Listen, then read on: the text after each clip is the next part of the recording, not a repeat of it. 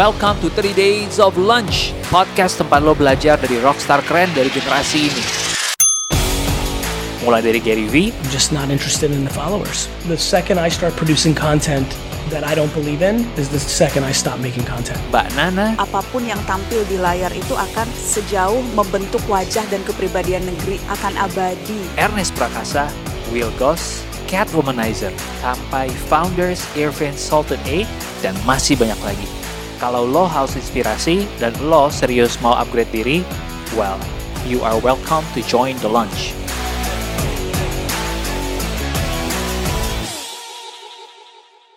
Welcome back to 30 Days of Lunch. Episode ini adalah salah satu episode yang paling gue tunggu-tunggu. Episode spesial. Kenapa? Dari awal kita udah berencana untuk menyiapkan ini menjadi dua episode back to back sekaligus.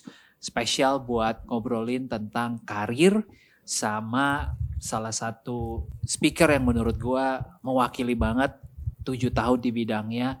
Mungkin teman-teman udah sering denger beredar di Instagram uh, username-nya at SRL789. Welcome, Sam. Dang. Thank you, Ruby. Thank you for having me 30 Days of Lunch. Yes. Very happy to be here. Finally ya, setelah beberapa minggu tektokan. Uh, uh, yes. Satu kali gagal recording. Inilah ya challenge-nya kita ada di tengah-tengah pandemi tetap uh harus berkarya ya kan dalam yes. keterbatasan kita mencoba terus ya akhirnya yes. jadi juga nih yes and uh, I really appreciate you making the time di tengah-tengah kesibukan Likewise. lo uh -uh.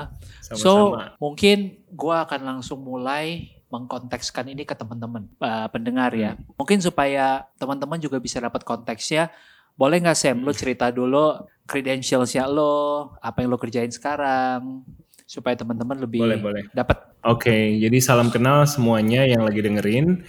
Nama gue Samuel. Uh, gue sehari-hari uh, bekerja sebagai seorang uh, eh, HR manager. Uh, sudah tujuh hmm. tahun berkarir di dunia wow. HRD. Hmm. Ya, um, not so short but not too long so i understand a thing or two uh, mostly my career has been in financial services jadi um, sekarang pun sedang bekerja di sebuah multinational bank um, sebelum-sebelum ini um, selain dari beberapa bank, gue juga pernah kerja di perusahaan asuransi dan hmm. perusahaan financial technology. Semuanya jadi HR manager. Wow. That's a bit about me. Hmm. Wow, wow. Jadi karir lo kayaknya lurus banget ya. Dari semenjak kuliah juga itu ya? Semenjak kuliah ada sih mungkin yang mencemplungkan gue ke situ ya, idealisme ya, Rup. Jadi senang anak-anak, senang ngajar, gue pikir oh kalau kalau masuk corporate yang banyak ngajar-ngajarnya di mana ya? Oh di di HR hmm. kayaknya gitu. Develop people di HR okay. jadi ya begitulah. No wonder it seems like lo tuh kayaknya di sweet spot lo banget. Kayak lo menguasai dan sekaligus kelihatan lo enjoying what you're doing gitu I have to try. I have to try to to to master it ya kan. Udah udah udah berani bilang tujuh tahun gitu kan. And then yeah. um, people are gonna ask questions. What do you know? What do you know? So I have to uh, master my craft. Although it's not always a straight line ya. Maksudnya yeah. I think I think we all go through definitely quarter life crisis. Ada juga yeah. fase itu gue yeah. hadapin juga gitu. Ada masa-masanya sampai udah 2-3 tahun berkarir gue kepengen switching karir, kepengen pindah kantor hmm. segala macam. Hmm. Pernah, hmm. pernah, pernah dilaluin juga. Jadi this seven year, although if you look at my CV or my LinkedIn, mungkin ya, yeah. wah kelihatannya garisnya lurus nih. Cuman hey man, um, behind all that there is struggle and there are insecurities and there are wrong turns and everything. So yeah. yeah, yeah. I think like like everybody, just like yeah, everybody. Yeah, yeah, hmm. yeah, yeah. Wow. Cuman mungkin lo uh, tujuh tahunnya padat banget kayaknya ya dengan begitu banyak naik turunnya gitu. That's nah. nice. That's nice. That's nice. Gue selalu percaya bahwa justru dari apa yang kita lewatin, proses itulah yang ngebentuk kita sekarang.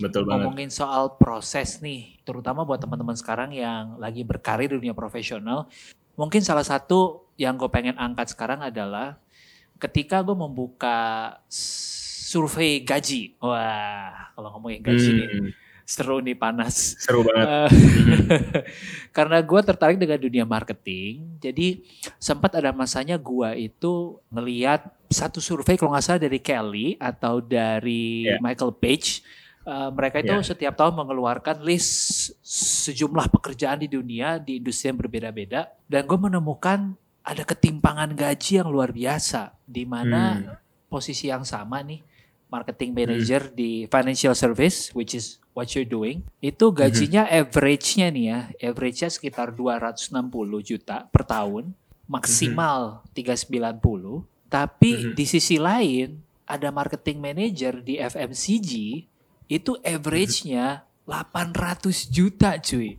dan maksimalnya 975 per tahun dan itu menurut gue kayak kenapa bisa ada gap segede itu tiga kali lipat ya bahkan ya kalau tadi iya. dari contoh lu tadi ya hmm, betul hmm. betul betul betul oh, betul ya yeah, ya yeah. so my comment on that, um, I think kita harus lihat lagi. Uh, memang jabatannya meskipun sama, cuman yeah. bobot dari role tersebut di dalam hmm. uh, organisasi yang berbeda-beda hmm. juga jadinya berbeda gitu. Hmm. Misalkan kita ambil contoh yang sama tadi marketing manager. Kalau kita ngelihat seorang marketing manager di perusahaan jasa keuangan yang dilakukan sehari-harinya terbatas pada mungkin kita bisa bilang uh, ya ya ya memarketingkan, mengkomunikasikan uh, hmm. brand dari bank tersebut atau hmm. asuransi tersebut atau fintech tersebut gitu kan ke kalayak umum. Memang memang dia memang tanggung jawabnya juga besar gitu kan. Dia harus hmm. menjaga hmm. reputasi brand, harus memastikan hmm. brandnya relevan, bikin campaign-campaign yeah. yang menarik gitu. Tapi message yang di, disampaikan hanya uh, ya udah satu payung aja, speaking hmm. on behalf of that bank gitu. Tapi hmm. kalau kita masuk ke industri FMCG, Hmm. FMCG itu kan di dalam satu FMCG sebenarnya kan ada berbagai macam produk gitu kan dan ada ada sabun, Betul. ada deterjen, ada sabun cuci piring, shampoo segala macam.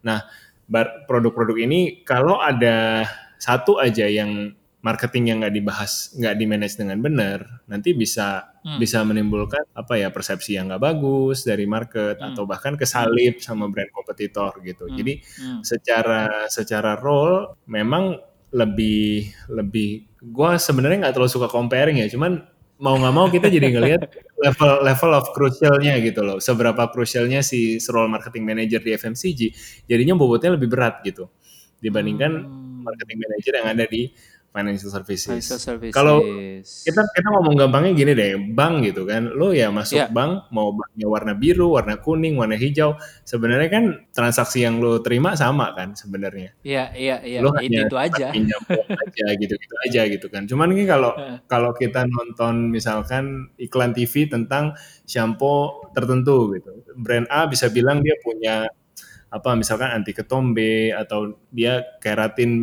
keratinnya bagus atau misalkan yeah. dia punya apa anti rontok, halal, anti patah halal. segala macam. Nah, halal. ya kan nanti kesebut lagi brandnya. Jadi hal-hal kayak gini kan ada yang mikirin, Bro. Di belakang itu yeah, kan yeah, ada yeah. ada orang-orang yang mikirin. Nah, mungkin mungkin itu kali yang bikin mahal ya. Jadi kemampuan yeah, untuk yeah. mengkomunikasikan apa istilahnya uh, value proposition yang berbeda-beda gitu dari tiap produk. Makanya kita kita pun menghargainya dengan dengan berbeda gitu. Beda. Kasarnya lo bisa punya dua teman, kartu namanya sama beken ya, tulisannya marketing hmm. manager. Tapi complexity role bisa beda-beda dan dua-duanya bisa punya income yang ber, jauh berbeda ya. Benar. Gue nambahin dikit nih. Tadi kan kita Boleh. bahas uh, gaji. Gue hmm. kepengen bahas juga tentang jabatan sedikit gitu. Nah kalau hmm. kalau perhatiin teman-teman kita yang di banking, kalau bagi kartu nama kan ada ada level level-level yang lu nggak temukan di industri lain yaitu asisten vice hmm. president, vice president, senior vice president gitu. Ini biasanya yang udah udah senior ya, mungkin kerja udah 10 tahun, 15 tahun. Uh, teman-teman kita nih punya yeah, yeah. punya title yang sangar oh presiden apa nih presiden gitu kan um, ada, ada ada ada banyak layernya gitu nah sebenarnya sebenarnya ini jadi jadi tebal begini layernya juga karena tuntutan tuntutan bisnis jadi ketika hmm. seorang bangkir dia pergi jualan nih Rup pergi jualan ya. masuk ke uh, kantor kliennya dia ketemu sama CFO gitu kan hmm. keder dong kalau lu ketemu CFO title lu cuman manager of manager. uh, hmm. manager apa apa gitu bank bank biru gitu kan. Ya akhirnya kita ngikutin common practice yang ada di pasar gitu. Di di di barat gimana sih? Oh ada ada title title ini. Ya kita adaptasi juga. Sebenarnya tujuannya lebih kepada selain memberikan kejelasan rank itu juga ada ada tujuan eksternal tuh supaya si hmm. si karyawan ini ketika kita kirim untuk berjualan dia nggak tanda kutip kebanting lah dengan role yang ada di ada di market gitu. Kan ketemunya CFO kan harus bujukin yeah, yeah, yeah. bujukin perusahaan besar ini untuk ayo bu buka akun lagi di saya atau saya pinjemin lagi bunganya murah gitu, gitu kan seperti itu kan kalau yeah, kalau yeah, manajer yeah. nah balik lagi ke FMCG FMCG kan nggak perlu kayak gitu. FMCG kan hmm. kan jualan shampoo kan kita nggak perlu pitching shampoo ini ke customer. Cukup kita mendapatkan uh, brand messaging yang bagus dan shampoo-nya punya lokasi yang bagus misalkan pergi ke supermarket dia ada di rak yang apa namanya prime lah posisinya di hmm. di jarak pandangan mata sebenarnya itu kan yang yang perlu dipikirkan hmm. Hmm. jadi untuk teman-teman FMCG kalau lo perhatiin kartu namanya dia nggak so much uh, worried about lo hampir nggak pernah ketemu deh VP of marketing FMCG itu biasanya dari level staff uh biasanya langsung lompat ke manajer. Nah, meskipun si manajernya wow. ada manajer senior, manajer junior gitu. Hmm, I see. Tuntutan profesi, Bro. wow, wow, paham. Jadi tapi kalau itu kita lihat dari sisi role dan jabatan ya. Cuma kalau kita yes. kita compare misalnya 100% dari income-nya doang mungkin marketing manager di FMCG is making as much as SVP mungkin di financial service. Bisa jadi. Bisa, Bisa jadi, jadi gitu ya. Hmm, iya iya iya. Ini masuk ke area yang menarik nih karena ngomongin karir banyak orang yang akhirnya galau. Skill gue kan hmm. bisa jadi sama ya, sama-sama marketing. Kalau gue masuk ke hmm. industri yang kurang sesuai nih kayak financial service sama FMCG, waduh, cuan gue nggak maksimal dong. Harusnya gue bisa cuan lebih di FMCG, misalnya gitu kan. Um, apakah memang kita dalam menentukan karir jadinya harus riset dulu, nggak cuma role tapi juga industrinya kalau itu mungkin it comes down to ya mungkin mungkin riset tersebut kalau lu uh, kalau kita bicara soal gaji nih kita pengen ya, memaksimalkan yeah, yeah, yeah. cuan kita gitu kan sebagai karyawan uh. itu mungkin hanya berlaku kalau di kita berada di tahap mungkin tiga tahun pertama karir lah ya karena kita masih hmm, bisa hmm. dalam tanda kutip hmm. dimaafkan ketika kita switching industri. Hmm. Jadi misalkan tahun pertama masuk jadi uh, apa namanya anak MT di bank gitu kan, terus hmm. udah selesai MT-nya kayaknya bosen deh kerja di bank gitu. Tahun kedua hmm. mau pindah ke FMCG. Uh, hmm. gua masih melihat banyak transisi itu terjadi. Jadi gua ngelihat hmm. teman-teman seangkatan gue juga yang dulu ngerintis karir. Kalau gua kan lurus tadi kan cerita lo jalan gue mm. financial mm. services kan. Ada yang lompat-lompat nih mm. dari financial services lompat ke fintech, terus lompat ke FMCG. Um, gue ngelihat itu masih bisa di di di di dalam tanda kutip dimaafkan di tahun-tahun awal karir ya. Ketika kita mm. tiba-tiba ngelihat, oh kayaknya gaji di gaji di fintech ini lebih gede deh. Gue pindah ke sana gitu. Nah, of course ada resiko kan dengan kita pindah gitu, ada mm. penyesuaian yang harus kita lakukan jadi ketika kita mau memaksimalkan cuan kita, nggak semata-mata kemudian apa pindah industri semudah itu gitu. Jadi mesti hmm. kalau kita mau riset, mau pilih-pilih industri yang kira-kira gajinya gede, um, hmm. lakukan secepat mungkin sih pesan gua. Jadi hmm. seawal mungkin di karir tentuin gitu. Oke, okay. oke. Okay. Setelah lewat tahun ketiga itu mungkin lebih sulit ya untuk lo pindah ya. Mungkin lo sebagai recruiter ya. juga akan skeptis sama orang ini gitu jadinya ya. Yes, kita kita kan ngelihat benang merah ya. Jadi selalu ketika interview seorang hmm. kandidat hmm. kita ngelihat apa yang sudah terjadi di kehidupan karirnya selama ini gitu. Jadi hmm. bisa iya bisa tidak gitu. Bisa bisa sulit bisa tidak. Misalkan um, yang gue lihat sering terjadi sekarang hmm. uh, itu migrasi dari teman-teman di telekomunikasi atau hmm. teman-teman di FMCG itu hmm. banyak yang uh, tim salesnya uh, cabut ke hmm. fintech. Hmm. Kan kan menarik kan gitu. Lu tiba-tiba jualan simpan pinjam, jualan KTA, uh, padahal tadinya uh, jualan um, telekomunikasi atau jualan shampoo hmm. gitu. Kenapa hmm. bisa terjadi? Karena ternyata struktur struktur salesnya, cara mereka membangun tim, cara mereka kaderisasi hmm. uh, tenaga-tenaga pemasar di di daerah-daerah itu applicable. Jadi skillnya itu bisa dibawa ke dalam industri okay. yang baru. Um, kita juga lihat-lihat Rup gitu, apakah si hmm. skill set yang dimiliki kandidat ini kepake nggak sih di sini gitu. Kuncinya transferable ya. Jadi yes. kalau lo mau bermain aman mungkin lo bisa pilih satu, dua atau tiga industri yang sebenarnya transferable gitu ya di role-nya.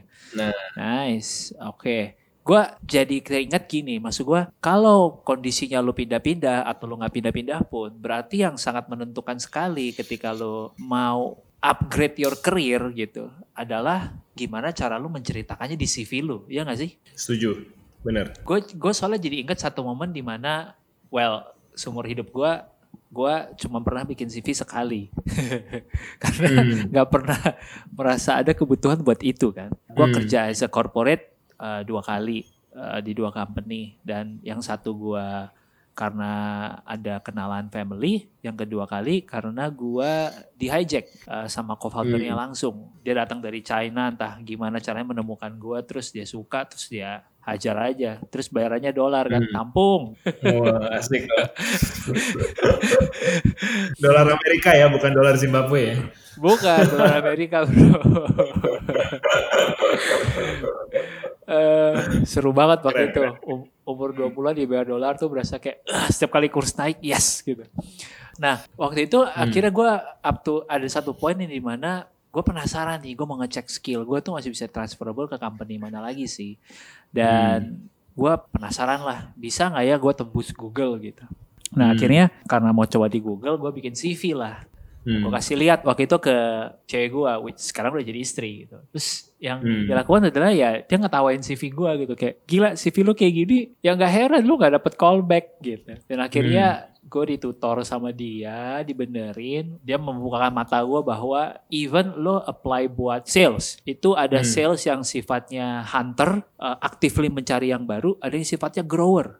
Udah ada hmm. gimana caranya untuk bikin orang buy more itu aja CV-nya bisa beda dia bilang dan okay. bener setelah gua rapiin CV I got a call back sama recruiternya dan gua waktu itu sampai fase ketiga dari enam kalau nggak salah ya which leads me to the next data yang gue dapat recruiters itu hmm. cuma spend an average of rata-rata mereka menghabiskan hanya enam detik katanya sih reviewing sebuah CV wow. atau resume. Seberapa penting sih jadinya lo mempolish your CV buat menurut lo? Untuk dapetin cuan maksimal gitu ya, tadi ya. Iya, iya. Interesting story ya, Rup. Gua nggak pernah ngukur sih secara eksak gitu ya. Cuman kalau dibilang 6 detik ya memang memang cepat sih ya. Karena kan dalam satu hari eh, rekruter bisa waktunya kebagi-bagi kan antara interview, sortir CV, sampai posting job yang baru, hmm. kadang-kadang hmm. harus uh, hmm. pergi karir fair untuk jualan company-nya hmm. gitu. Jadi emang emang hmm. waktunya nggak banyak gitu kan. Ditambah lagi sekarang kita dibantu sama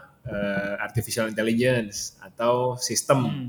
Jadi hmm. uh, ketika kandidatnya submit CV lewat sistem, misalkan udah punya kita udah punya nih preset kriteria, misalkan hanya mau CV yang IPK-nya di atas angka tertentu. Jadi wow. yang IPK-nya di langsung kepotong tuh, langsung ketebas semua hilang dan lain-lain lah gitu. Jadi emang emang emang CV critical sih. Kalau udah yang kalau udah yang kayak um, IPK berapa itu kan udah udah nggak ketolong ya. Maksudnya ya udah mau nggak mau harus belajar dengan keras supaya IPK lu tinggi gitu kan. Cuman kalau kita bicara layout CV hmm. sebenarnya banyak hal sih yang kita bisa lakukan buat ngebikin CV itu lebih enak dibaca gitu. Hmm. Orang berpikir gimana tuh gimana uh, tuh CV CV selengkap-lengkapnya semakin baik. Itu itu common mis common misconception yang pertama. Um, bahwa CV hmm. itu bukan bukan semata-mata daftar riwayat hidup kita. Kita nggak lagi nulis hmm. buku biografi dari kita SD, SMP, SMA. Ada loh Rob, orang masukin TK-nya di mana gitu. Siapa yang mau baca serius. kamu? Serius, serius. Ini rekruter yang curhat di Instagram. Jadi ada gitu, makanya ada zaman sekarang yang kayak gitu. Nah, untuk untuk kita bisa menarik itu um, hmm. mindsetnya diganti dulu. Jangan kita berpikir nulis daftar riwayat hidup. Kita berpikir kita lagi bikin brosur gitu. hmm. gitu. Kan ya yeah, think of it think of it as uh, your marketing yourself. Lu baru hmm. lu baru punya lu baru punya produk baru nih di market. Kepingin orang-orang beli tertarik hmm. dengan produknya. Uh, hmm. Hal-hal positif apa nih yang bisa kita keluarin uh, yang bisa kita cantumin di CV itu hmm. supaya kita jadi lebih menarik gitu. Hmm. Dan um, misconception yang kedua adalah orang berpikir ada template bener, ada template salah gitu kan. Kan sering kan kalau kita googling soal CV keluarlah uh, download template gratis di sini gitu kan. Iya iya iya Kadang-kadang dari kampusnya juga ngajarin, menyediakan, bisa di-download gitu. Nah, sebenarnya there are no such thing as right or wrong template. Kayak di industri gua misalkan uh, finance um, cenderungannya adalah seorang finance professional, bankir, um, CV-nya lu nggak mungkin lihat penuh warna atau penuh dengan layout yang cantik. Biasanya cuma teks hitam aja di atas kertas putih. Itu finance gitu kan. Tapi hmm. lain ceritanya kalau kita ngelamar ke agency atau yeah. ke marketing consultant. Ada hmm. yang bahkan bentuknya bukan kertas gitu. Gue pernah diceritain CV-nya bentuknya Lego minifigure. Di belakangnya wow. ada ada apa segala macam. Terus kan kemarin bulan bulan kapan tuh ya viral di Twitter yang CV bentuknya obituary seperti pengumuman oh, ya? kebukaan. Ya kan? Wow. Ada di Twitter kemarin sempat Itu sempat, itu sempat. apply kerja di agency. Agency, agency ah, gitu. Yang yang itu, itu yang mungkin ya. Mungkin karena hmm. mencari kreativitas. Jadi lu tampilin sisi itunya gitu ya. Makanya, makanya. Jadi ah, hmm. mungkin mungkin dua poin ini yang kita bisa ambil dulu gitu. Yang pertama, think of it as a brochure dan yang kedua hmm. uh, adjust the template depending on the industry that you're joining. Kan tadi lo juga contohnya Google, um, itu aja bahkan untuk Google lo berpikir untuk gue nih sales hunter atau sales grower gitu. Lo sudah yeah. berpikir untuk melukis melukis CV yang uh, mencerminkan role yang lo mau apply. Nah itu itu benar gitu, harus seperti itu. bahkan dari CV yang sama pun, dari Ruby yang satu orang pun, lo bisa ngeluarin sisi grower lo sama sisi hunter lo kalau dibutuhkan gitu. Jadi kesimpulannya jangan malas-malas ngedit CV lah, apalagi company yang mau di-apply banyak, sebaiknya banyak okay. template, banyak format lebih bagus. Oke, okay. jadi malah sangat tidak disarankan untuk punya cuma satu template terus lu kirim ke beberapa industri yang berbeda, role yang berbeda itu kayak nggak make sense ya. Benar. Gue juga ada masanya tertarik dengan company-company teknologi gitu kan. Udah kerja hmm, waktu hmm. itu dua hampir dua tahun di di bank uh, dari gue lulus kerja di bank terus penasaran gitu. Gue lanjut di bank lagi atau gue lanjut ke nyoba ke Facebook ya waktu itu. Lo kan Google gue Facebook hmm. nih. Gue apply apply nggak mau ketinggalan gitu kan ada masanya kan betul, kan semua betul, teknologi betul. FOMO FOMO gitu. FOMO. gue bikin. Lah CV gue gitu. Kalau kalau terus gue berpikir kalau gue mau lamar ke bank lagi artinya kan yang gue harus tonjolin adalah oh iya dari tahun lalu sampai tahun ini saya bekerja sebagai staff HRD di bank ini gitu kan. Hmm. Um, gue juga mungkin bisa bilang bahwa gue bisa bahasa Jepang. Siapa tahu hmm. bank berikutnya yang gue lamar adalah bank Jepang kan biasanya Jepang sama hmm. Jepang saling saling ngomong deh bahasa Jepang gitu kan. Nah Betul. begitu gue ketemu ketemu Facebook gitu kan wah binatang apa ini gitu kan gue mau pelajari kira-kira um, apa video-video rekruternya seperti apa terus gue gue ngeliat hmm. kayaknya sense sense yang gue dapet ini company yang menghargai inovasi terus menghargai uh, mungkin menghargai lulusan luar negeri gitu kan hmm. terus mungkin dia akan senang dengan orang-orang yang kreatif yang ada inisiatifnya hmm. gue kan waktu itu kerja baru setahun kan uh, yeah. belum punya prestasi yang gimana banget. Gitu. Jadi kembali hmm. lagi gue menggali lagi apa yang terjadi semasa gue kuliah gitu. Gue pernah hmm. misalkan gue pernah mimpin kepanitiaan anggotanya adalah uh, multinational apa namanya multinational member jadi gue pernah hmm. mimpin orang tidak hanya orang Indonesia tapi juga dari berbagai negara gitu kan kan oh hmm. leadership check gitu kan uh, multinational hmm. leadership check gitu jadi gue hmm. menggali uh, apa yang menurut asumsi gue gitu uh, Facebook akan suka. Nah itu berbeda, berbe jadinya dua sisi dua CV yang berbeda gitu. Ketika gue lamar ke Facebook, gue kirim yang, yang A, ke ketika gue coba ke banking, kirim lagi yang lain. Jadi emang bener sih, um, jangan males-males punya banyak format untuk untuk dicoba. Gitu. Gue dalamin sedikit ya, hmm. kayak mungkin nanti bisa di-relate ke case-nya lo, apa yang lo rubah before and after hmm. lo apply ke Facebook di CV. Kalau gue waktu itu jadinya adalah misalnya buat case-nya hunter ya. Kayak hmm. lu mesti masukin kata kunci-kata kunci tertentu yang mewakili hmm. lu tuh hunter. Misalnya gua actively reaching out ke cold calling berapa ratus orang setiap hari sama berapa lama. Terus gua convert itu menjadi uh, berapa sales within period of berapa lama gitu. Hmm. Um, hmm. Jadi kayak lu mesti tahu kata kuncinya sih. Benar kayak yang tadi lu bilang. Kalau Facebook kayaknya kata kuncinya adalah inovasi. So how apa yang berubah kalau di Kesia lo CV-nya lo? Kalau kalau gua tadi sambil lo ngomong gua inget-inget gitu. Because this is this is seven years ago ya. um, jadi jadi yang yang misalkan ya, misalkan kita bisa mengubah hmm. executive summary kita. Jadi di, hmm. di atas bagian atas CV kan biasanya kita bikin executive summary menjelaskan dalam 3 4 kalimat Samuel itu siapa, Ruby itu siapa gitu kan. Biasanya yeah, kita yeah. bilang uh, uh, an overseas graduate atau a graduate from prominent Indonesian university. Uh, with bla bla bla experience in in banking misalkan gitu. Nah waktu yeah, itu gue ingat yeah. yang gue ganti, yang gue ganti ketika gue apply ke banking, gue bilang uh, gue gue punya banking experience gitu. Hmm. Tapi ketika gue apply ke Facebook, gue uh, lebih ke emphasize ke leadership experience, terus uh, hmm. uh, experience in, in in working in multinational setting, which is benar gitu. I see. Memang multinational, yeah. cuman multinational settingnya mungkin dulu pas gua kuliah gitu, pas gua yeah, masih yeah, kuliah, yeah. bukan sekarang. Tapi kan Facebook nggak perlu tahu. Gue cuman hmm. pokoknya dapetin dulu gitu. Oh mereka hmm. baca experience summary gue menarik. Lalu hmm. um, things I can tell about my then employer adalah uh, it's a bank, it's a Japanese bank tapi uh, sama Facebook gue bilang it's a multinational bank, which is nggak salah dong.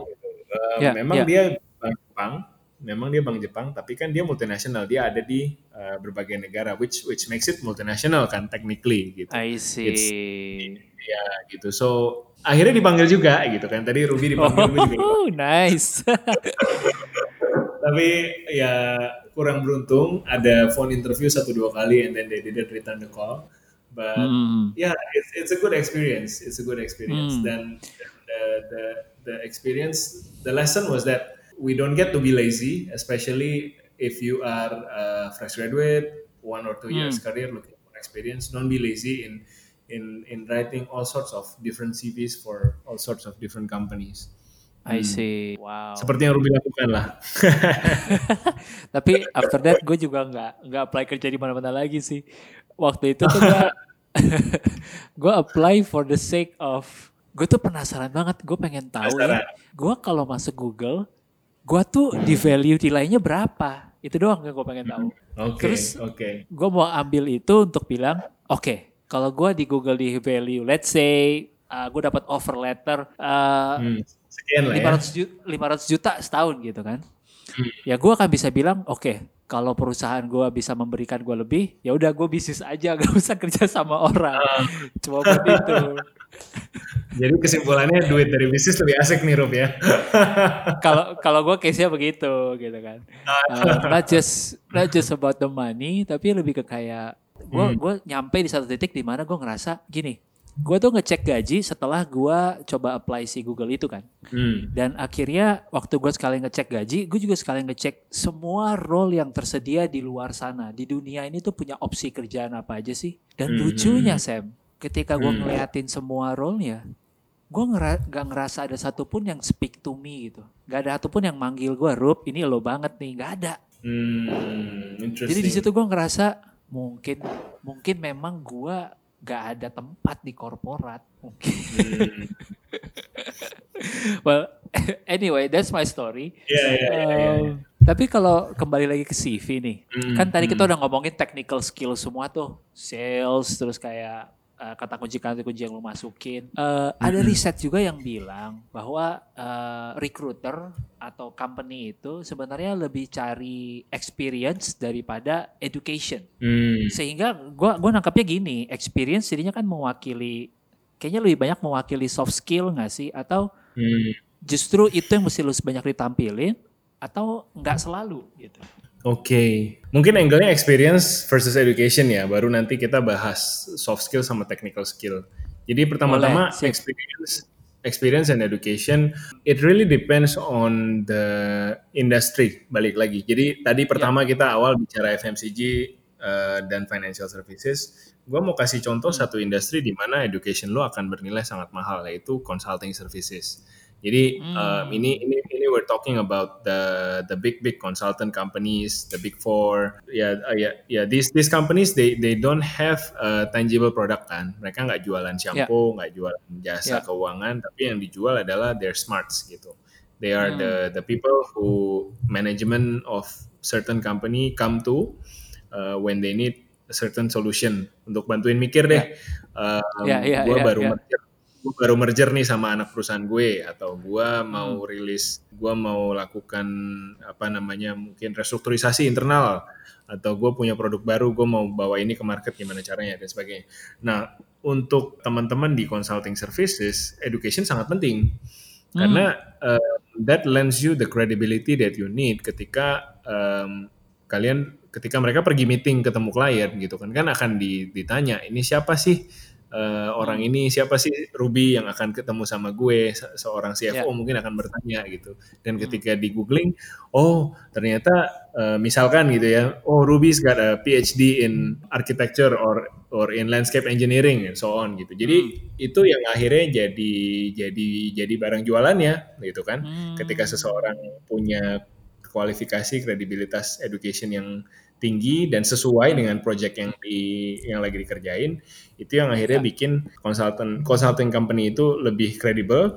dan in the end they can the, the possibility to win the tender or win the project becomes higher probably. Hmm. Jadi that's that's that's one example di mana education, education. Is, is very important gitu kan. No matter how how experienced you are, no matter how how long you've been working in the industry, there is still a merit lah buat teman-teman yang they pursue S2 atau bahkan PhD di di okay. industri consulting. Okay. Tapi Makanya, nah kita kita lihat contoh yang seperti itu itu satu hal tapi again hmm. balik lagi ke industri banking atau industri FMCG ya, um, ya. ada juga yang sama sekali nggak ngelihat gitu. Um, ada juga hmm. yang ketika mau jadi direktur baru diwajibkan S2 misalkan sama perusahaannya ah. gitu. Tapi alasan dia diangkat jadi direktur simply because oh you've been in the company long enough, you understand the company, we want hmm. you to be uh, the leader gitu. We believe in you. Hmm. Have, have no relation whatsoever with the with the education background. Dia hanya dijadikan S2 atau di dikasih doktor hanya karena ya posisi itu mengharuskan dia punya punya doktor misalkan gitu. Betul. Ya, tapi betul in in this other example experience lebih penting so depends on depends on where you're sitting right now hmm. hmm. oke okay. makanya nggak heran kalau kita main-main ke consulting companies hmm. BCG McKinsey itu bertebaran ya orang-orang dari Ivy League ya Harvard yeah. Yale Columbia Atau minimal kalau di Indo UI kali ya. Nah, betul. Atau ITB. Karena yang di, betul. First year lah, first year university biasanya first yang university di, ya. Oke. Gitu. Oke, paham, paham, paham. Tapi nah itu kan uh, education experience. Education, Mungkin betul. Soft skill sama technical kita mau bahas juga atau ntar dulu nih? Boleh, boleh, boleh. Sekalian. Nah, Oke. Okay. Nah kalau soft skill sama technical, gue ngelihatnya gini. Jadi kalau kita review nih, uh, nge-review CV-CV fresh graduate gitu. Gue sering temukan yeah, fenomena yeah. gini, Rup. Mereka bikin kayak energy energy bar gitu, energy barnya Street Fighter kalau lu main Street Fighter kan. Ryu yeah, yeah. Uh, energy barnya 0 sampai 100 gitu. Nah, terus dia bikin yeah. misalkan leadership 9 dari 10 bintang. Terus yeah, yeah. dia bikin apa Excel skill 5 dari 10 bintang. Word yeah, skill yeah. segala macam. Nah, hmm. buat gue itu sebenarnya useless. Iya, bias, bias. Ya, gue bias, bias, bener. Jadi nggak ada caranya gue sebagai rekruter bisa tahu bahwa bener dengan membaca hmm. CV lu, lu beneran punya 9 dari 10 bintang di Microsoft Excel. Bintangnya siapa yang bikin? Terus 9 bintang tuh artinya apa gitu kan. Hmm. Nah, instead of doing that, if you're really serious about showing that you have a proficiency in, let's say, Microsoft Excel, uh, why don't you um, provide sertifikat gitu. Jadi sertifikasi bahwa dari dan dan sertifikatnya bukan bukan lembaga yang um, sembarangan gitu ya, benar-benar lembaga yang semua orang tahu. Misalkan kalau Microsoft Office training yang udah lama kita tahu misalkan Execute Train misalkan gitu. Hmm. Oh, saya pernah ambil kursus dari Execute Train modulnya sampai modul sekian. Oh iya, kamu proficient di Excel kayak gitu. Hmm. atau ya jadi jadi technical skill yang bisa certified sebenarnya kita bisa tunjukin dengan cara seperti itu. Jadi actually get certified for it. Nah kalau misalkan soft skill soft skill soal leadership terus teamwork segala macam itu kan nggak mungkin kelihatan dari uh, CV, terus gue percaya gitu at face value bahwa teamwork lo 4 dari 5 bintang kan, kita ada cara kan untuk menggali gitu. Yeah. Jadi biasanya yeah. HR, akan, HR akan nanya tuh um, istilahnya behavioral based behavioral based interview. Jadi kita akan hmm. tanya apa sebutkan misalkan kalau untuk menggali leadership kita bisa tanya sebutkan uh, pengalaman kamu di masa lalu tiga tahun terakhir hmm. pengalaman kamu memimpin yang paling challenging gitu. Nanti dari cerita itu kita akan gali oke okay, kenapa itu challenging? Karena begini begini begini deadline-nya pendek dan lain sebagainya. Lalu apa yang kamu lakukan terhadap challenge itu? Action kamu apa? Hmm. sehingga resultnya apa? Jadi baru dari situ kita baru assess nih berdasarkan storytelling yang uh, teman-teman bawa ke hmm. dalam interview. So I would say in CV in CV try try to be kita kan bahasa bahasa lo kan polish nih Rob. Nah cara cara polishnya yeah. um, kita kita kita bikin supaya di dalam CV kita tuh ada tangible tangible achievement yang recruiter recruiter cannot help but to oh notice that that this guy is good. Let's say um, tangible achievement maksudnya apa? Sesuatu yang bisa kita hitung. Jadi oke okay, saya saya ketua BEM uh, di di jurusan saya da, selama dua tahun misalkan. Hmm. Dalam dua tahun itu um, saya membuat program-program BEM yang tadinya hanya setahun bikin dua kali di bawah saya jadi ada enam program baru itu kan tangible kan? Wow. dari dua jadi enam. Oh deltanya empat gitu. Terukur. Oke, berarti lu bener hmm. bawa improvement. Terukur bener. Tadi kan juga lu pakai contoh sales. Saya bawa sekian customer dalam waktu sekian sehingga konversi ke dalam hmm. revenue sebesar sekian. Jadi yang kayak gini-gini hmm. justru harus dibanyakin gitu. Instead of instead of okay. yang tadi energy bar Street Fighter tadi nggak usah gitu kayak gitu-gitu kita bisa gali pada saat pada saat kita udah duduk sama kamu ngobrol yeah, di yeah. interview sama yeah. satu kita akan gali lewat behavioral based interview jadi yeah. perbanyak perbanyak tangible stuff di dalam di dalam CV itu lebih baik berarti kalau gue boleh simpulkan di bagian experience ini uh, atau technical tadi akan sangat terbantu kalau lu ngumpulin cerita lu sebanyak-banyaknya dari semudah mungkin gitu ya. Setuju sih, setuju. Itu itu another issue sebenarnya um, bukan isu ya, maksudnya another another topik lah ketika kita bahas soal interview hmm. um, yang kandidat harus perhatikan juga the ability to share uh, benang merah dari karir dia gitu dari dia dulu hmm. lulus sampai sekarang mungkin udah kerja tiga tahun um, yeah. apa ya. yang sudah dicapai dan langkah selanjutnya hmm. mau ngapain gitu. Hmm. Storytelling itu penting karena HR ya se sebaik-baiknya seorang HR pada saat duduk dan interview sebenarnya percayalah bahwa yang yang ada di atas kepala uh, prioritas pertama HR adalah menemukan kandidat yang cocok untuk permintaan usernya karena dalam dalam seminggu dalam tiap hari hmm. pasti banyak request yang masuk gitu. Um, jadi jadi HR hmm. tidak tidak terlalu interested in helping you finding your passion or finding your dream job dan lain sebagainya. meskipun meskipun kita kelihatan baik ya, kita kalau interviewnya selamat siang Ruby, apa kabar gitu kan. Tapi at, at the end it comes down to yeah, whether yeah, yeah. Your your qualification will help him to please his user or not. Hmm. Gitu. Kalau kualifikasi kamu nggak yeah, cocok yeah. ya udah kandidat berikutnya masuk gitu kan. Hmm. Yang kita yang iya, kita yeah, bawa yeah, yeah. ke HR. Kalau tadi CV itu brosur, nah kalau kalau interview yeah. itu sales pitch gitu. Jadi hmm. jadi jangan datang ke HR terus Iya sih Pak. Oh, Oke, okay, um, Sam, kamu mau jadi apa? Jadi lima tahun ke depan? Iya sih Pak, saya masih belum tahu. Hehehe gitu. Terus apa? Ya. um, terus gua mau ya. jual lu sebagai apa? Lu sendiri nggak tahu bahwa lu mau jadi apa gitu kan kan gitu. Jadi we have to yeah, yeah, we have to help HR untuk bantu kita bantu kita dijual juga di dalam company itu. Dalam kan ujung-ujungnya hmm, ujung-ujungnya si HR setelah interview sama kita dia akan jualin kita ke user yang akan pakai kita. User, Pak, si Samuel bagus karena dia bla bla bla bla bla bla. Nah, ceritanya kalau nggak ada hmm. ya dengan yeah. gue cari kandidat yang bisa gue jual lebih Asik. Iya, iya, iya. Wah, di sini sebelum dapat kerjaan aja tuh skill lo udah diasah banget ya. Kecuali lo mau dapat job hmm. yang ece-ece mungkin. Betul. ya. Makin gitu ribet, sih. makin ribet penyaringan ya makin harusnya makin worth it ya. Iya. Apa berada di company itu. Ya gua gua juga jadi teringat gue pernah menginterview beberapa kandidat gua Salah satu hmm. hal yang gue suka tanyakan selain si ya lima tahun lagi lu mau ngapain sih ada aja yang jawab ya gue sih go with the flow lah. Ya kalau kayak gitu susah bro. hmm, susah tuh berat tuh. Berat. Nanti kalau besok flow-nya berubah lu pindah dong. Nah, uh, tapi satu hal yang gue sering tanyain adalah kalau lu punya one million dollar sekarang lu mau pakai duitnya hmm. buat ngapain gitu hmm. dan menurut gua jawaban jawabannya membantu gua untuk mencari tahu ini orang prioritas dalam hidupnya apa sih gitu hmm. uh, misal ada orang yang oh gue langsung tabungin gue langsung invest Uh, kalau hmm. bisa deposito yang menghasilkan sekian persen. Oh, this guy is looking for security nih. Kalau gue hmm. bisa kasih dia security, mungkin dia akan happy. Tuh catat tuh guys, kalau interview sama ketemu pertanyaan itu tuh. Interview is another different animal. Mungkin next time kita bahas yeah. lagi. Gua sure, sure. dalemin sedikit lagi soal CV ya. Iya. Yeah. Terus bagaimana Sam kalau kisahnya kayak gua nih? Gua tuh males hmm. banget sebenarnya dulu waktu kuliah untuk aktif di kampus, ikut grup ini itu, bikin kegiatan ini itu. Pokoknya gue belajar IP gue mendekati 4 gue udah happy lah udah. Abis itu gue mau cari duit. kalau kayak gitu gimana caranya gue mempolish? ketika gue cari hmm, kerjaan. Hmm, Oke, okay.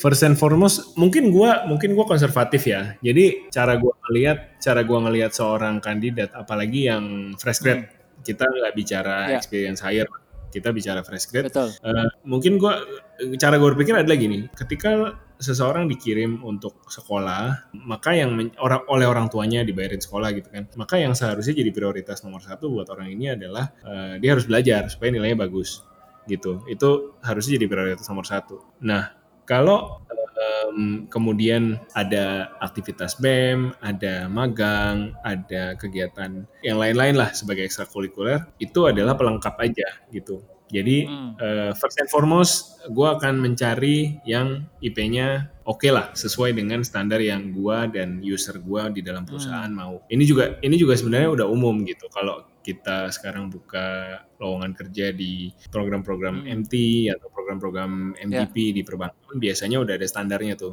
IPK-nya harus berapa. Hmm. Jadi itu hmm. itu tetap sih harus dikejar sih mau nggak mau gitu. Agak agak susah beli yeah, ceritanya yeah. bahwa iya saya sibuk organisasi terus saya nggak sempat kuliah gitu. hey man, what's your priority gitu. Kayak gitu. if, if, Tapi tapi masuk gua lu lu lu pasti terupdate juga dong dengan begitu banyak artikel di luar sana yang bilang hmm. Google, uh, Facebook, uh, Amazon itu udah nggak mencari hmm. orang dari GPA-nya. GPA tuh nggak ada korelasi sama performance-nya orang di dalam company gua gitu. Yang gue cari hmm. adalah googliness atau whatever that is lah. Whatever that What means. do you say about that?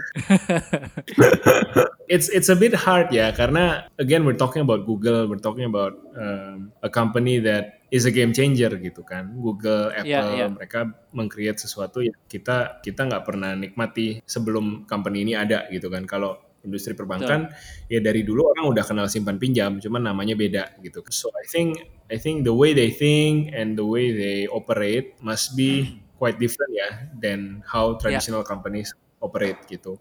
Uh, yeah. And I'm I'm speaking based on my opinion as a, as a professional in a in, in a pretty conservative industry gitu kan. Industri keuangan ya hmm. udah dari udah dari zaman dulu ada gitu. And that's how my industry or at least how I think the people in my industry would think. Tapi if you want to go uh, if if some people want to go ahead and have have certain mindset kita boleh tes gitu kita boleh coba market akan behave seperti apa kesempatan yang terbuka akan ada seperti apa dan dan the more you apply the more you try out your luck gitu kan namanya interview kan kita hmm. coba kan peruntungan yeah. kita the more you understand lah how certain companies think tapi gue mau nambahin sedikit sih jadi tadi kan kita bicara nilai nih um, bicara yeah, IPK yeah. gitu kan. Sebenarnya nggak selesai di situ. Jadi ketika gue bilang itu tadi yeah. prioritas, yang yang kedua, kemudian ketika kita ngobrol nih, kita kita duduk bareng hmm. di interview, gue udah suka nilainya, gue udah suka kualifikasinya hmm. on paper.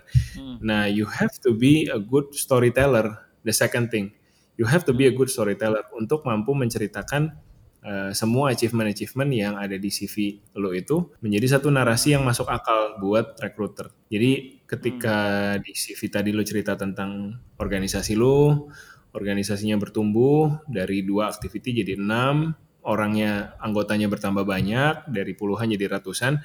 Nah pada saat kita interview, gue expect orang ini bisa menceritakan kenapa dia join BEM itu, apa yang memotivasi dia untuk join lalu cara-cara apa yang dia lakukan, gitu, kesulitan-kesulitan apa yang dia tempuh sehingga uh, apa yang jadi target dia boleh tercapai gitu. Jadi um, storytelling skill ini harus dilatih supaya CV kita tuh bunyi gitu. Ketika kita udah diundang interview, nah tapi interview another another episode ya. Jadi um, eh, pada saat interview kita harus bisa gitu storytelling untuk mengangkat yeah, uh, yeah. siapa kita gitu. Terakhir mungkin supaya kita bisa mulai menuju ke conclusion nih Sam. Um, yes. Boleh nggak lo cerita uh, journey-nya lo dari awal mungkin bisa dibilang lu bisa ceritain hmm. CV journey-nya lo bagaimana itu berubah sepanjang tahun untuk menyesuaikan dengan role yang berbeda kesempatan yang berbeda company yang berbeda dan mungkin tujuannya berbeda gitu oke okay, jadi tadi gue udah cerita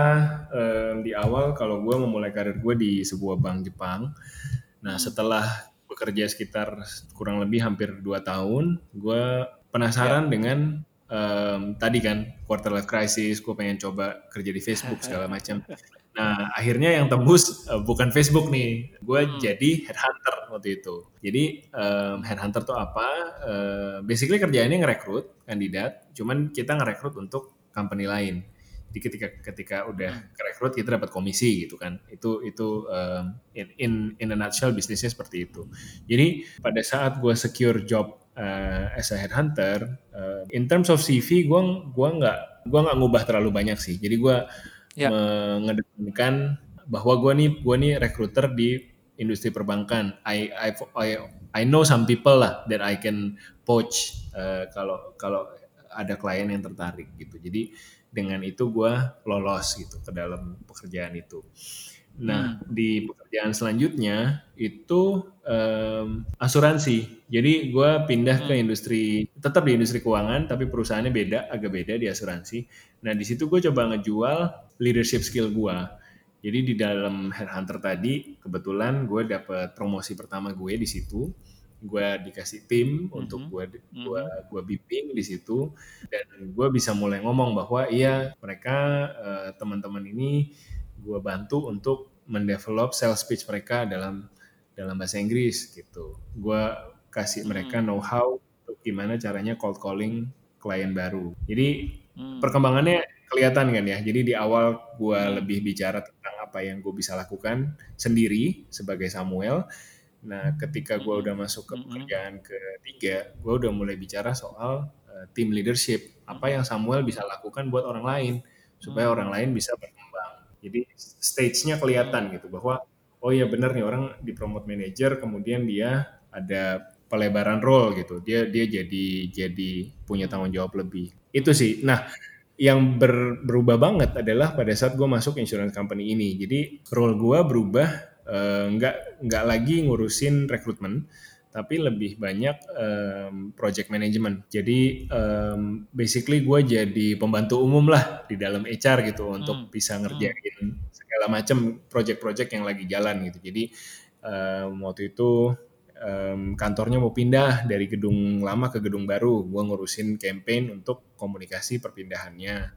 Terus gue hmm. ngurusin bikin bikin sistem uh, ketika hmm. HR mau belanja sistem baru, gue bantuin hmm. gitu vendornya bisa dapetin data-data yang dibutuhkan supaya migrasinya lancar kayak gitu. Hmm. Nah di situ gue gue punya skill set, skill set baru sambil tentu kayak tadi kan um, tadi lu pakai kata-kata ngeflow um, which is menarik gitu. Gue gua nggak gue ingin berpesan di sini bahwa karir itu kita yang own gitu. Hmm. Kita yang harus kontrol flow-nya. Kendali. Jadi ketika kita ngeflow ikut orang pegang kendali bener. Kita nggak ketika kita ngikut orang, kita nggak tahu flow yang dibikin sama dia akan membawa kita ke mana. Jadi terus di dalam apa namanya hati kecil gue, gue punya ide bahwa Samuel 10-20 tahun lagi adalah seorang HR director. Jadi ketika hmm. oh oke okay, gue ada di pekerjaan ketiga gue, habis ini gue mau ngapain nih? Habis ini uh, skill set apalagi yang gue belum punya. Nah dari hmm. situ singkat cerita gue akhirnya pindah ke pindah ke banking, belajar tentang talent management, tentang learning, dan ada di tempat yang gue sekarang gitu setelah setelah tujuh tahun. Jadi in a sense, ya yeah, I'm still on the way, I'm still on the way gitu kan. Um, HR director is still a dream, uh, is still uh, somewhere in the future. Tapi gue mulai melihat, uh, mencoba mengoleksi skill-skill apa yang gue belum punya nih saat ini gitu hmm. untuk jadi seorang HR director. Yeah, Dan itu yeah. yang akhirnya gue gue usahakan untuk kejar untuk dapetin yeah. di yeah. pekerjaan-pekerjaan gue yang sekarang maupun di masa depan gitu so okay. that's that's the journey hmm, yeah. think ya yeah, untuk mudah-mudahan gak jadi tambah bingung cuman the, the the message mungkin untuk wrap it up adalah your CV is your own have a goal in mind ini mau dibawa ke mana gitu perjalanan karir lo supaya hmm. lo punya benang merah yang bagus. I see, I see, I see. Thank you. Mungkin kalau gue bantu bahasakan dengan cara lain untuk memudahkan teman-teman bisa hmm. mungkin sedikit kayak reverse engineering ya. Maksudnya lu bisa nyari oh nah. uh, role-nya HR director tuh kayak gini. Waktu dibuka job opening tuh butuh hmm. skill ini ini ini ini Oh, dari 12 skill yang ditulis di job opening itu gue cuma hmm. punya satu. Berarti gue masih butuh tambahin 11 gitu kan. Kurang lebih gitu ya. Terus tuh cari pekerjaan hmm. yang hmm. along the way melengkapi 11 itu gitu. Yes, benar. I see. Dan itu nggak instan, nice, nice. butuh proses, ya. nikmati aja ya. semuanya. Nice, nice, nice. Mm -hmm. Mungkin pertanyaan dua terakhir gue. Uh, satu buat teman-teman yang supaya terrelevan, satunya lagi buat kepuasan gue sendiri nanti. yang satu, yang terakhir buat teman-teman semua yang pendengar adalah, terus um, di dalam sebuah CV, gimana hmm. gue bisa bercerita, mempoles CV gue, kelihatan bagus, tapi gue juga kelihat masih bisa menonjolkan sisi humble-nya gue sesuai dengan fakta dan gak lagi bluffing gitu, gak lagi melebih-lebihkan Tadi sih sebenarnya kita udah bahas dikit sih. Hmm. Jadi tadi sih sebenarnya kita udah bahas dikit soal uh, nulis CV yang uh, efektif ya. Kalau bahasa gue efektif adalah dengan ya udah uh, menunjukkan fakta-fakta yang tidak bisa di dispute, undisputable. Jadi um, ketika hmm. tadi kita pakai contoh seorang mahasiswa yang jadi ketua BEM, ya undisputable bahwa tadinya nggak ada aktivitas tadinya aktivitasnya hanya dua, sekarang jadi enam. Tadinya membernya hanya sepuluh, sekarang jadi jadi lima puluh gitu.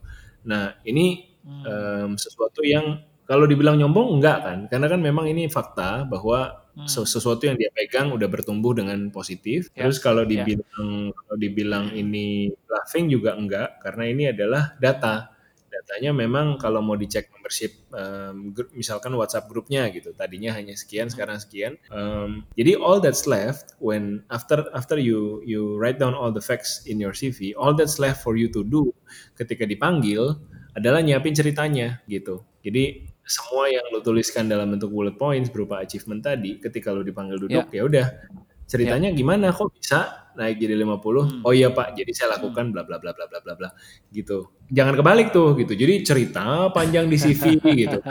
Tadi kan risetnya Ruby udah bilang cuma 6 detik kan gitu. Nggak kebaca kalau cuma 6 detik. Jadi yeah, yeah, jangan kebalik. Yeah. cerita pas interview ketika lu nulis CV masukin fakta-fakta teknis yang hmm. undisputable tadi gitu. Iya iya iya. Nice. Oke okay, sekarang just for my enjoyment. Sebagai orang Boleh. yang cuma pernah bikin CV sekali uh, terakhir gue update mungkin 6-7 tahun yang lalu. gue butuh gak sih sebenarnya bikin CV sebagai seorang pebisnis, sebagai seorang pengusaha, mungkin di luar karir profesional. Perlu nggak gue CV? Dan kalau gue perlu, emang buat di showcase di mana gitu, buat kegunaan apa gitu? Hmm. Mungkin secara regular, kalau kalau seorang profesional kan dia harus secara reguler ngupdate hmm. CV-nya, karena ya sewaktu-waktu bisa dipanggil interview atau uh, recruiter bisa hmm. nemuin dia di LinkedIn kan biasanya. Kalau ya. seorang bisnis mungkin yang dibutuhkan bukan CV kali ya, tapi lebih ke profile ya.